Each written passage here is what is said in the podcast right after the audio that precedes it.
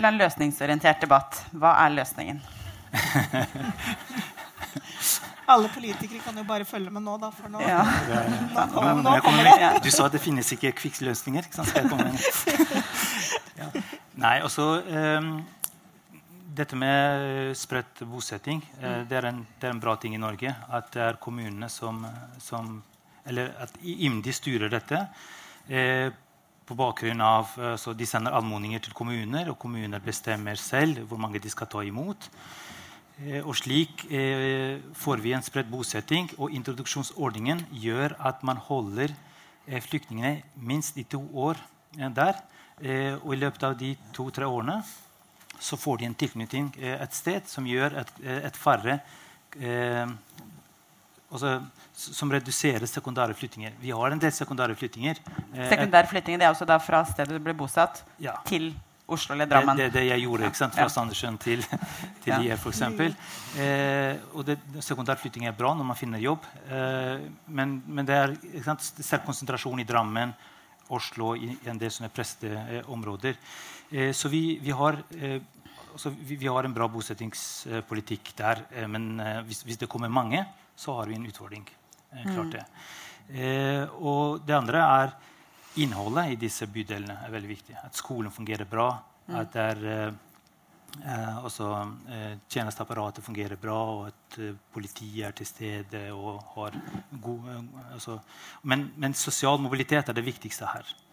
Det at og, og det er en bra ting i Norge at annen generasjon, sosial mobilitet blant annen generasjon er veldig, veldig, veldig bra. Og det er veldig lovende. Har du noen uh, Jeg bare Forslag? tenker, uh, dette her med hvordan Oslo utvikler seg, det er jo på en måte grunnleggende urbanisering. Vi er jo en uh, metropol, en liten en, men det er det vi er. ikke sant? Og det, det at vi ser at eh, innvandrere på 70-tallet kom jo og bosatte seg i sentrum. Og så, når de ble litt mer ressurssterke, så flytter de seg til ytterkantene eh, eh, av, av byen, hvor det er større leiligheter. Det er sånn som vi ser i Groruddalen. Og, og sånne områder blir en form for trakt hvor alle nye på en måte loses gjennom her. Og når de blir ressurssterke nok, så flytter de ut av Groruddalen igjen. Det er på en måte en urbaniseringsprosess. Men det som er spesielt med Groruddalen, er at det er veldig få som flytter ut igjen.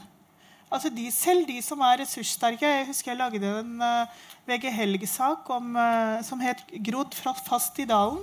Dette var en familie som hadde blitt 200 stykker. Det var en storfamilie. Veldig ressurssterke økonomisk på alle måter. Men de ville bo på Furuset. Og de sendte ungene sine på uh, kristen adventistskole. Det var muslimer, pakistansk familie. Så de, velger, de, de mener at Groruddalen er bare best. Og jeg mener også Groruddalen og vest. Men jeg hadde ikke lyst til å sende mine barn eh, på privatskole. Så da, da ble det sånn at jeg, måtte, jeg flytta ut. Men det er mange som blir. Det er, veldig, det er en spesiell situasjon. Det som skjer der, da, er at eh, de som eh, får bedre økonomi og, og, altså, Klassereisen er der og skaffer en bedre leilighet. Mm. Men I- på, på, i i området. området. Ja. Integrering er jo ikke egentlig under ditt område, men bosetting er jo det. Hva tenker du om den ordningene for bosetting i forhold til Ja, eh, bosetting faktisk heller ikke under Nei. område, men jeg har engasjert meg litt i den debatten. det, ja. eh, altså jeg, jeg har jo tidligere foreslått uh, selvbosetting, muligheten for selvbosetting som et alternativ fordi vi har sett i mange år at det har gått veldig lang tid fra en person har fått oppholdstillatelse til bosettingen skjer. Og det er en veldig passiv periode. Men de har også modifisert det forslaget eh, litt. Gjorde også for et par år siden. Og det er at man kan ha en form for styrt selvbosetting. Det betyr at, eh, altså Selvbosetting betyr jo da at man kan selv finne seg et sted å bo eh, hvor man vil, og selv ta grep om eget liv.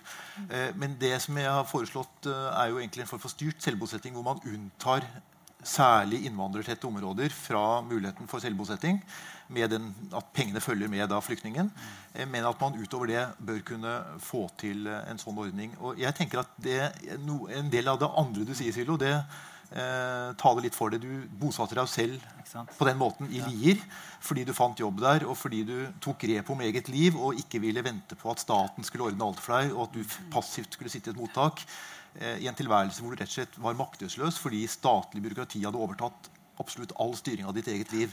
Så hvis flere kan ta et grep om eget liv, i hvert fall de som har muligheten til å ha ressurser og personlige ressurser til å gjøre det, så tror jeg det er en god ting for integreringen. Men så må det kombineres med at vi unngår at du får da en opphoping i innvandrertette bydeler i Oslo. Mm. Og, og, hvis man kunne klare å kombinere de to hensynene, så tenker jeg at vi kunne fått en optimal mm. modell. Men jeg, når jeg hører Sylo snakke om uh, den uh, maktesløsheten i perioden eh, på asylmottak.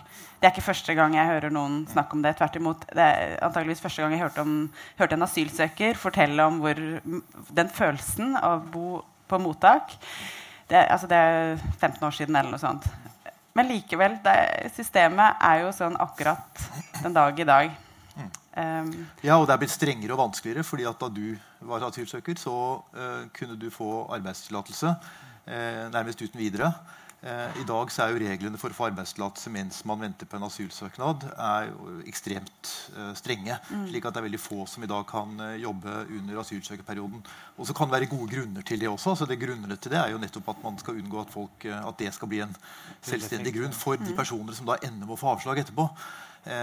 Fordi man hadde jo da det problemet at en del fikk arbeid, og så fikk de avslag, så ble det enda vanskeligere eh, å håndtere Det blir integrert, rett og slett. Ja, men, men, men, men, det er klart at for integreringen så er det best at man kommer i gang med, med arbeid. Her er det liksom to motstridende hensyn som står mot hverandre, men, men i hvert fall Stortinget har med med, med, ganske bredt flertall da eh, besluttet at det skal være vanskeligere å få en arbeidstillatelse mens man venter på at asylsøknaden blir eh, mm. behandlet. Ja, jeg, jeg, jeg, forstår de restriksjonene rundt det, men eh, som du sier, man skal veie ulike hensyn opp mot, mot hverandre.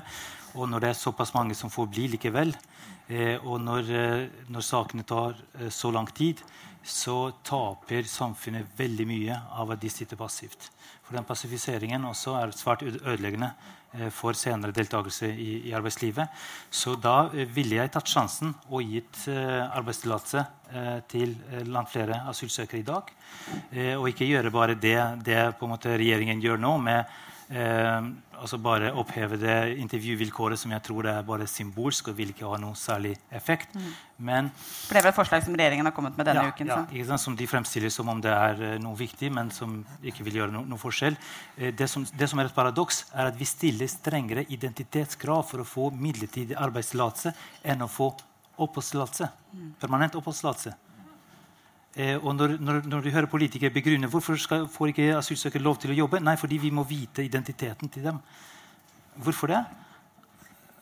Ikke sant? Og de kan jo være terrorister, eller de kan være hva som helst. Men altså, de, man, man, stiller ikke de samme kravene for å få opphold for å få, for å få beskyttelse. Så det, det bekrefter også eh, UDI-direktøren her.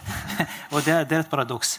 Så Vi har hatt en annen situasjon når denne loven ble vedtatt, og så, og så bli, bli, har det blitt sånn. Jeg, jeg, ville gått inn for eh, midlertidige arbeidstillatelser eh, til alle eritreere. Kanskje, kanskje, differensiere, men kanskje også prøve hele. Og så se hvis det er pull-effekt, så kan man suspendere det og, og se, se an.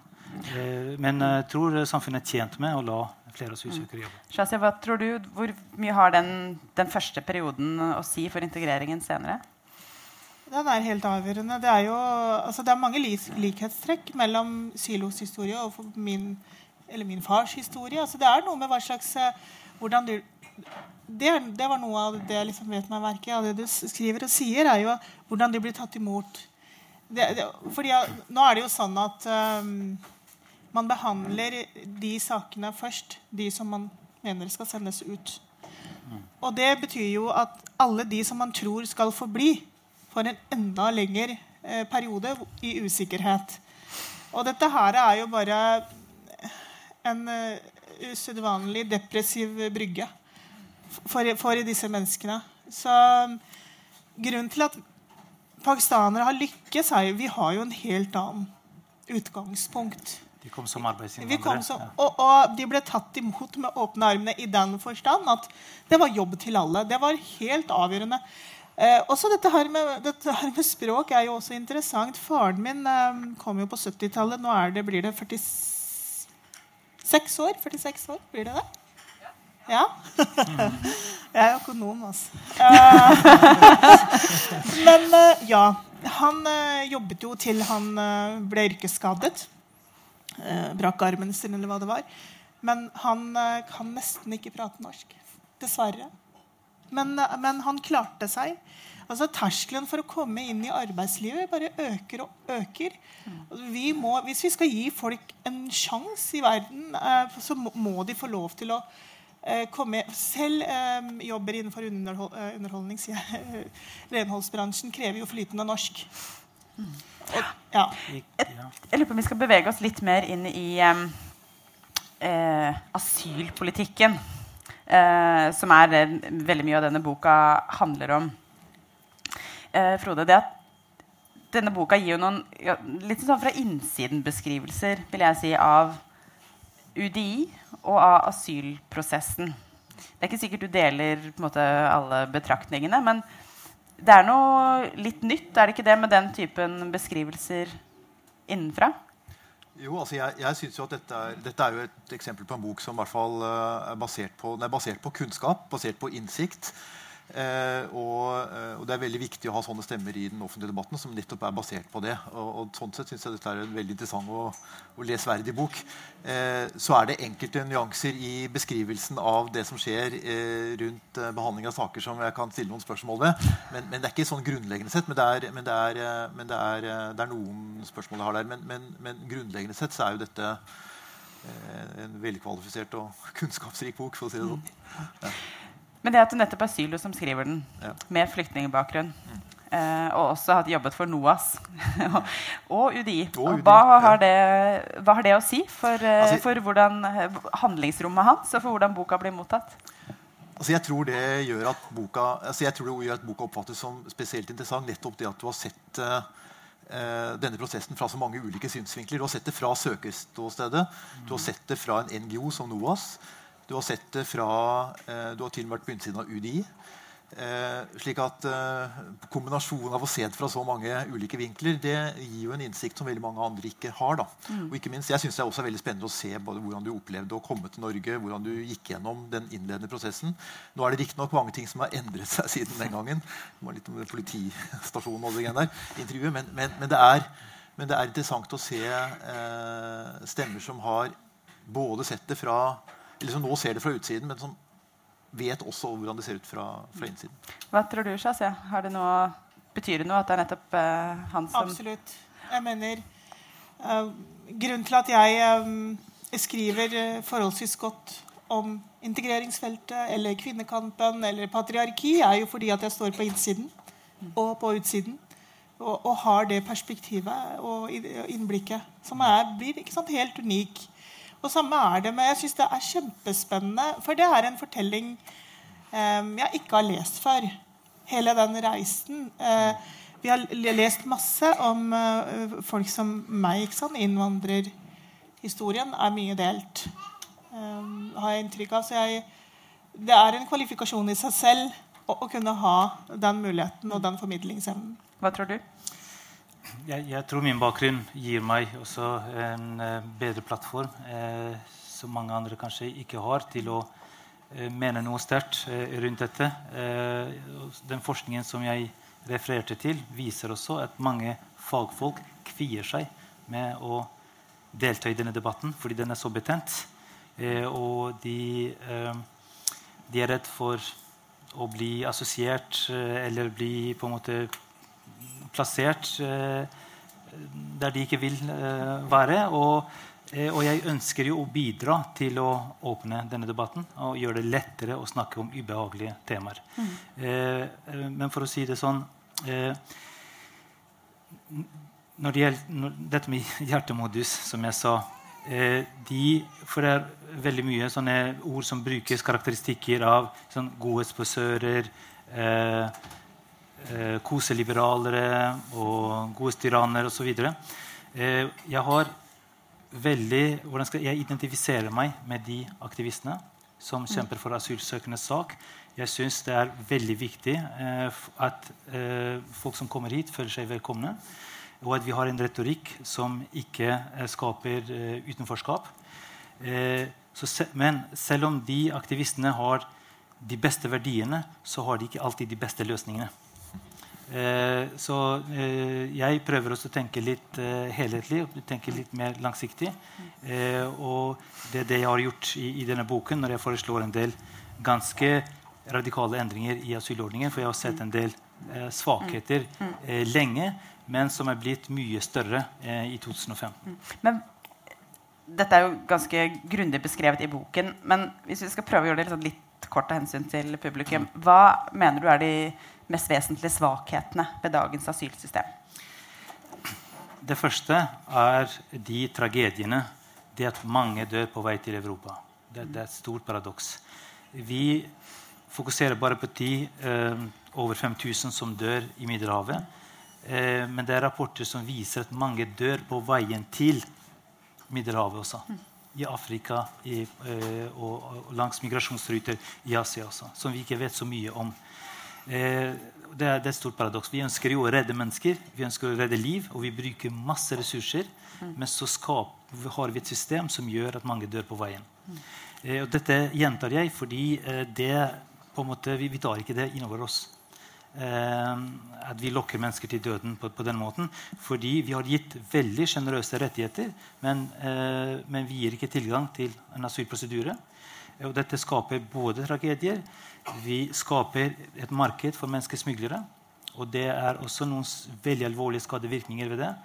Eh, store mafiagrupper som tjener veldig mye på det, som, som bidrar til mye korrupsjon. Fordi menneskesmugling er forbundet med mye korrupsjon. Du skal få falske dokumenter osv. Eh, og så noen av pengene går til terrorgrupper og militsgrupper, bl.a. I, i, i Libya. Eh, og, og, så bruker vi ressursene feil.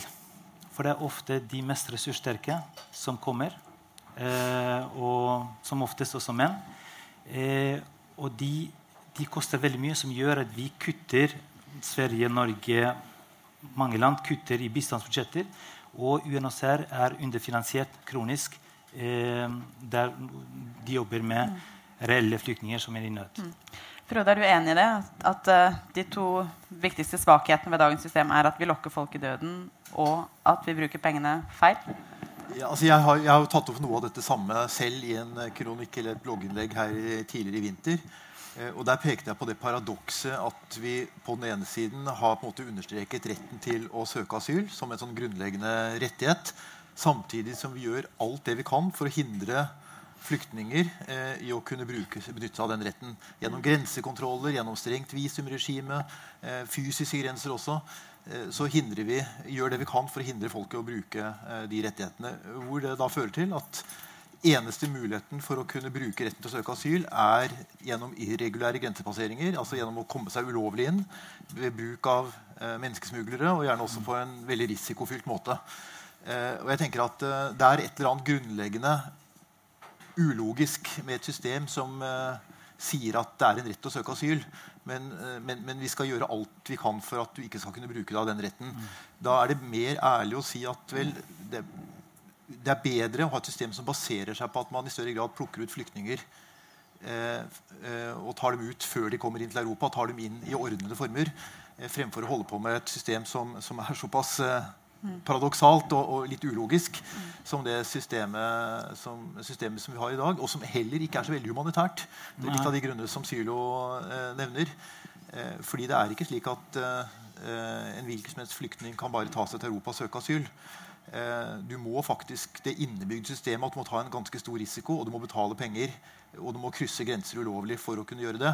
Og da tenker jeg at Hvis man, hvis man primært er opptatt av å ivareta flyktninger, eh, så er det bedre om man hadde hatt et litt mer massivt system i Europa for å ta ut flyktninger, og da de med størst behov, eh, fra de områdene hvor de er før de kommer til mm. Europa. Og da kan du ta ut Det var flere fordeler også. Du kan ta ut hele familier istedenfor at familier må reise først den ene, og så komme andre etterpå. Mm. og, og, du kan, uh, og, du slipper altså alle de andre ulempene. Du har også sikkerhetsmessige problemer. Vi kan skrine folk før de kommer inn, og, og, passe på at vi ikke får inn de som vi ikke ønsker å få inn. Så, så det er en del eh, fordeler med å, med å, gjøre det. Men, men, det er klart at uh, Sylo har den tanken, jeg har den tanken. Men å realisere den tanken i virkeligheten mm. eh, det er et ekstremt langt lerret å bleke. For her snakker vi om internasjonale konvensjoner, vi snakker om folkeretten. Og, vi snakker jo om på en måte eh, Hvis man skal gjøre noe med asylretten, så kan man gjøre også noe med det andre. Og det å få til den balansen i et nytt system, det er også krevende. EU holder jo nå på å se på sine systemer for hvordan de skal fordele asylsøkere mellom de europeiske landene. De har jo laget et system for såkalt relokalisering mellom eh, EU-landene som så langt ikke har fungert Det er ikke eh, så veldig veldig godt. populært. Det er ikke populært, men det er litt sånn fordi at eh, det nesten har vært lagt opp sånn at det er asylsøkeren selv som kan velge om de vil være med en del av et system eh, for relokalisering.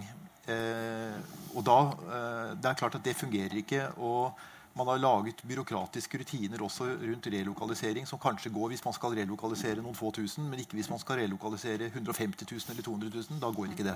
Med den Så- tempoen de har ja. nå, så vil det ta 90 år, tror jeg. Ja, og jeg, og jeg tenker at, eh, men, men nå har jo EU, EU-kommisjonen har jo nokså nylig lagt fram et annet forslag. Som, eh, som eh, det er litt vanskelig og krevende å, å forklare. Ja, Men det jeg tror ikke vi skal ta hele Nei, men, men, men det i hvert fall innebærer mer sånn automatisk relokalisering. Da. Ja. At det første landet du kommer til, uansett om det er Norge eller Italia eller Hellas, så blir du bare gjennom et felles datasystem så blir det nærmest bare fortalt deg du skal til land X. Og så er det that's it. Eh, Men det er, men det er, men det er krevende også å få til. Men det er faktisk ikke noe forslag fra, fra EU-kommisjonen. Men for noe av det du argumenterer for, er nettopp det at flyktninger ikke skal kunne velge hvor de skal få beskyttelse. Altså, det sentrale i flyktningregimet er at eh, man sikrer tilgang til beskyttelse. Eh, og man gir tilbud til noen om å bli hentet inn til, eh, til Europa. Eh, men at de ikke kan velge selv hvilket land de ønsker å søke om beskyttelse i. Eh, og altså, har, eh, når, når EU eh, vedtok den eh, re- relokaliseringsmekanismen, så, så skrev jeg jo at eh, dette ville ikke eh, fungere i det hele tatt. Det var veldig urealistisk. Eh, for eh, det, det gikk ikke så bra. 160 000 eh, å, å fordele i Europa. Er, eh, tanken er god, men, eh, men det fungerer ikke i praksis. Så Derfor skriver jeg realisme her, fordi jeg kjenner systemet og vet hvordan det, det fungerer. Og du kan ikke få Polen, Romania, eh, Tsjekkia eh, de, de landene, Ungarn de landene som ikke har så mange asylsøkere, plutselig til å være med i en dugnad. Eh, hvem ble relokalisert? Altså de, de som ble relokalisert først fra Italia, eh, hvor ble de sendt? Til Sverige. Altså, Sverige avlastet Italia. Eh, og Norge også meldte seg på, selv om vi hadde 30 000 eh, og, for å hente noen fra Italia. Men de andre landene de stiller ikke opp. Det er eh, to eh, helt forskjellige syn på innvandringspolitikken. Tidligere østeuropeiske land de ser på dette på, på en annen måte. De har ikke eh, legitimitet i befolkningen for å ta imot eh, innvandring eller til å gi Brussel på en måte eh, autoritet til å bestemme hva slags, eh, hvor mye innvandring de skal ha. Og så er det uforutsigbarheten, som ikke Brussel eh, på en måte tar hensyn til. Når man forplikter seg til en sånn fordeling, så, så er det en fordelingsnøkkel, men du vet aldri hvor mange som kommer. Da gir du Brussel på en måte autoritet til å, til å, eller makt til å, til å fordele dette, og ingen land ønsker å, eller mange land ønsker ikke å gjøre det. Derfor mener jeg at man bør basere dette på frivillighet. Eh, når man stanser irregulær migrasjon, så eh, skaper man eh, regionale beskyttelsesprogrammer, bruker masse ressurser der. Også de ressursene vi frigjør fra asylsystemet, bruker vi der. Og så tar UNHCR sender anmodninger til eh, individuelle land, og de frivillig tar imot. eh, og, og, ja. Men du ønsker å gi menneskerettighetsforkjempere en egen status. For hvis jeg har forstått uh, det rett, så ønsker du på en måte å gå litt vekk fra denne gruppetenkningen. At man får oppholdstillatelse eller asyl i et europeisk land på bakgrunn av hvilket land man kommer fra. Uh, F.eks. Syria eller Eritrea. Du ønsker at man skal um, gå litt vekk fra det og heller ha regionale beskyttelsesprogram, men så da ha e- en egen ordning for personlig forfulgte. F.eks. politisk aktive eller menneskerettighetsforkjempere. Eh, hvorfor det? Hva er det som er så, hvorfor skal de ha en sånn ekstra opphøyet status? Altså, For det første, eh, Asylordningen er ikke laget for situasjonen med masseflukt. Jeg tror også eh, Frode Forfange har selv eh, sagt det. Vi klarer ikke å håndtere det. Situasjoner med masseflukt som, som også tvungen migrasjon, som, kan, eh, som både kan skapes pga. krig eller naturkatastrofer, eh, det er et humanitært problem eh, som må løses regionalt.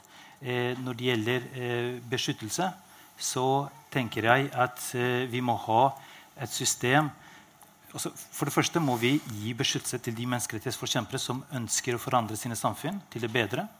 At de ikke må betale en høy pris for det. At det blir en sikkerhetsventil. Da tenker jeg på de som eh, altså journalister, aktivister eh, folk fra organisasjoner eh, at, at, man har et system for de, det er de som var på en måte hovedmålgruppen for Flyktningkonvensjonen. Eh, og når, når, vi ikke, ikke, klarer å håndtere store gruppene, så må vi gå liksom back to basics. Men får den gruppen du snakker om, får den gruppen for dårlig beskyttelse i dag? Eh, ja, fordi de må betale menneskesmuglere. Jeg har en kronikk i Vårt Land i dag hvor jeg forteller om, om dette paradokset. at en Eh, en aktivist som søkte visum for å komme til eh, Sverige. Han sto på eh, dødsliste til noen ekstremistgrupper. Det visste svenske myndighetene, som tar imot 160 000 i året. De ville ikke ta sjansen å gi ham visum fordi de tenkte at han kommer til å søke om asyl. Og han ble drept mm.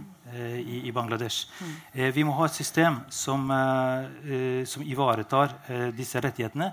Og eh, når millioner eh, kommer på flukt pga. krig, det er et tilfeldig ofre, da må vi ha systemet på plass regionalt og så bruke masse ressurser der for å tilrettelegge for retur. Det er det som har vært på en måte historisk den beste mm. løsningen. Ja.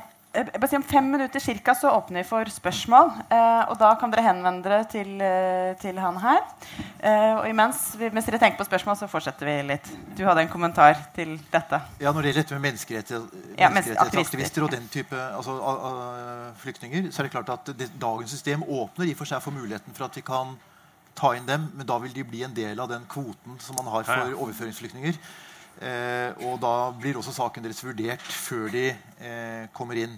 Eh, det som veldig mange land eller hele, alle land i Schengen er veldig skeptiske til, det er å innvilge en visumsøknad til en person som kan muligens ha et beskyttelsesbehov, eh, uten at det er på en måte håndtert i, i forkant, fordi det er, det er i strid med hele visumsystemet, nemlig at eh, visumsystemet er et kortvarig opphold, og du skal returnere etterpå. Mm. Men, men, men, er det en svakhet i systemet likevel? Nei, jeg, jeg, tenker at Det kan kompenseres ved at man kan foreta en vurdering av eh, beskyttelsesbehovet når vedkommende søker om Eller hvis det, er et, hvis det er en person som har et åpenbart behov for beskyttelse, så har man muligheten til å ta ut slike personer på en kvote, eller som en del av den kvoten som Norge har. Norge har jo i mange år hatt en kvote med ulik størrelse eh, for kvoteflyktninger. Og innenfor den kvoten så kan man, eh, så står man fritt til å kunne ta ut eh, den type bare, bare, en, bare, en, liten eh, kommentar også som et svar til deg hvorfor det er viktig.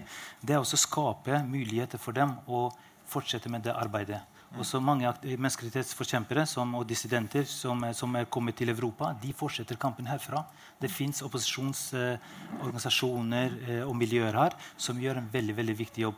Her sitter eh, Mohammed Mustafai, her, han iransk menneskerettighetsforkjemper.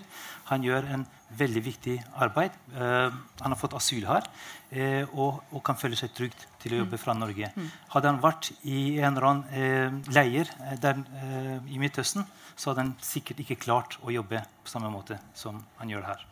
Nei, jeg tenker, eh, Du snakker om regionale eh, løsninger, at man skal satse regionalt. og Jeg bare tenker, jeg husker rett før uh, migrasjons- eller asylstrømmen, som jeg liker å kalle det, den situasjonen eksploderte, så var det jo uker, om ikke måneder, med rapporter om at nå var pengene slutt. Nå var det ikke engang penger til mat i flyktningleirene i Jordan og Tyrkia. Så det, det, er jo litt en paradoks at man blir sittende og se, også i Norge og resten av og alle vestlige land, sittende og se på at dette skjer. Men man trodde vel aldri at vi skulle få oppleve det vi opplevde sommeren og høsten i fjor. Og så er det, når jeg først får anledning nå Du skrev vel du nevnte denne rapporten, eh, medierapporten. og dette her med sjølig analyse og sånn. Jeg skrev jo en del kommentarer under den verste krisen september-oktober.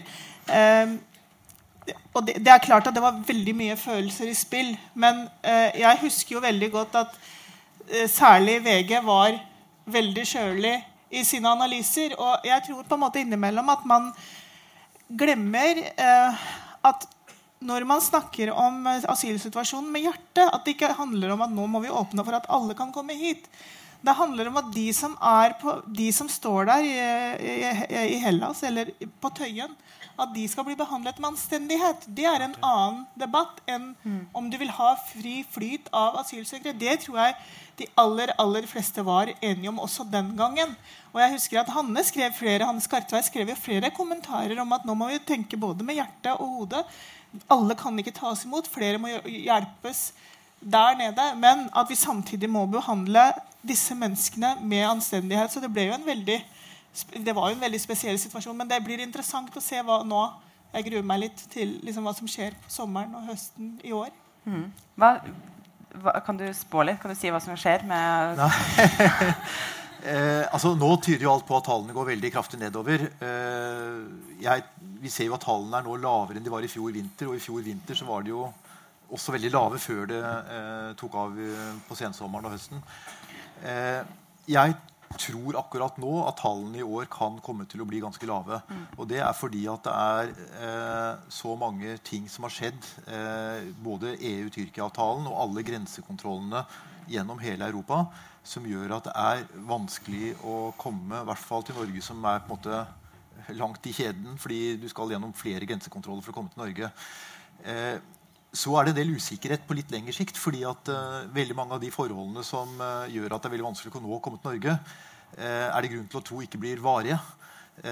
og så er spørsmålet på en måte når endres de forholdene. Mm. Og jeg har tenkt i hvert fall at Hvis man skulle for eksempel, få bedre kontroll på yttergrensene og av den grunn fjerne de indre grensekontrollene, som jo er det uttalte målet fra EU, at man skal fjerne de indre grensekontrollene, så kan du få en situasjon hvor Norge får et mer normalt asylnivå igjen. altså litt mer enn i dag.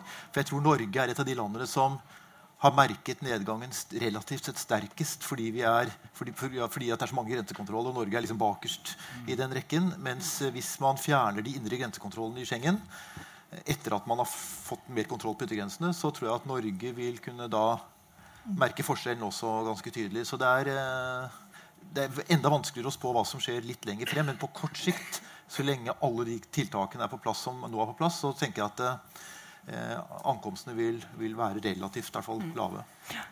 Ja, bare en liten kommentar. Litt så skal vi åpne for spørsmål. Okay. Eh, Den avtalen med, med, Tyrkia har gitt oss en pust, uh, pusterom som gjør at vi kan Eh, ta debatter uten Leseboken panikk. Din, og... Leseboken rolig. Og, eh, men det er to eh, usikkerhetsmomenter. Det ene er den avtalen med Tyrkia, som er veldig sårbar. Mm. Eh, for det ligger en del premisser der. og eh, Visumfriheten når den begynner eh, å inntre, hvis det kommer mange kurdere og, og liksom kommer til Europa, så kan avtalen suspenderes.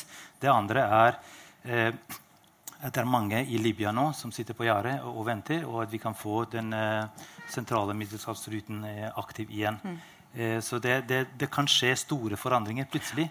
så det, vi vet ingenting. Det er veldig sånn, store usikkerheter. Mm. Nei, jeg kan jo bare legge til at Vi, jo, vi begynte jo å legge ned mottak på sensommeren, eller fortsatte å legge ned mottak på sensommeren i fjor. Mm. og var i ferd med å skru ned prognosene på det tidspunktet, og så snudde det. Så, og svenskene har nettopp nå redusert prognosene sine markant helt nylig. Eh, Migrasjonsverket tar feil hele tiden. Men, men, eh, og det gjorde de også i fjor på den tiden. Men, men, men, men, det er klart at det er, det er, jeg, jeg, tør ikke spå. for å si det sånn. Det er, jeg har funnet ut at det er det, det blir husket på etterpå.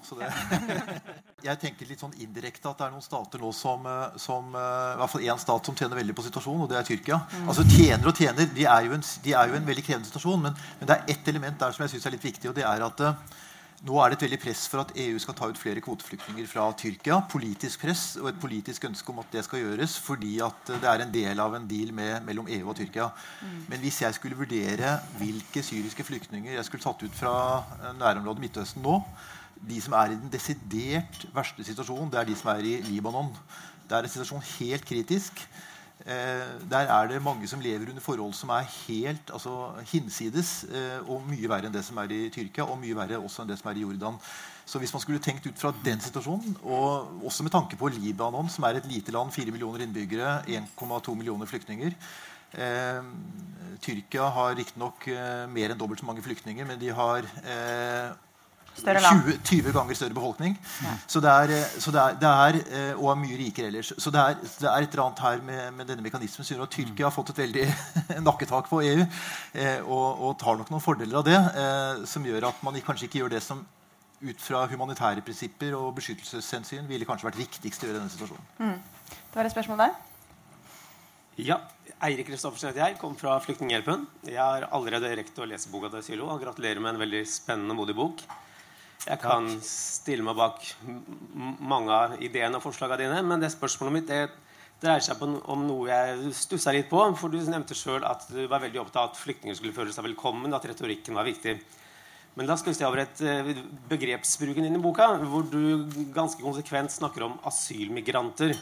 Eh, Jeg er helt innforstått med at når man snakker om store grupper, så kan man bruke migranter som samlebetegnelse for både flyktninger og asylsøkere og økonomiske migranter. Og før man får beskyttelse, er man asylsøker. Men når man har fått, eh, fått opphold, så har vi jo et veldig godt ord som er flyktning. Hvorfor skal du innføre begrepet asylmigrant?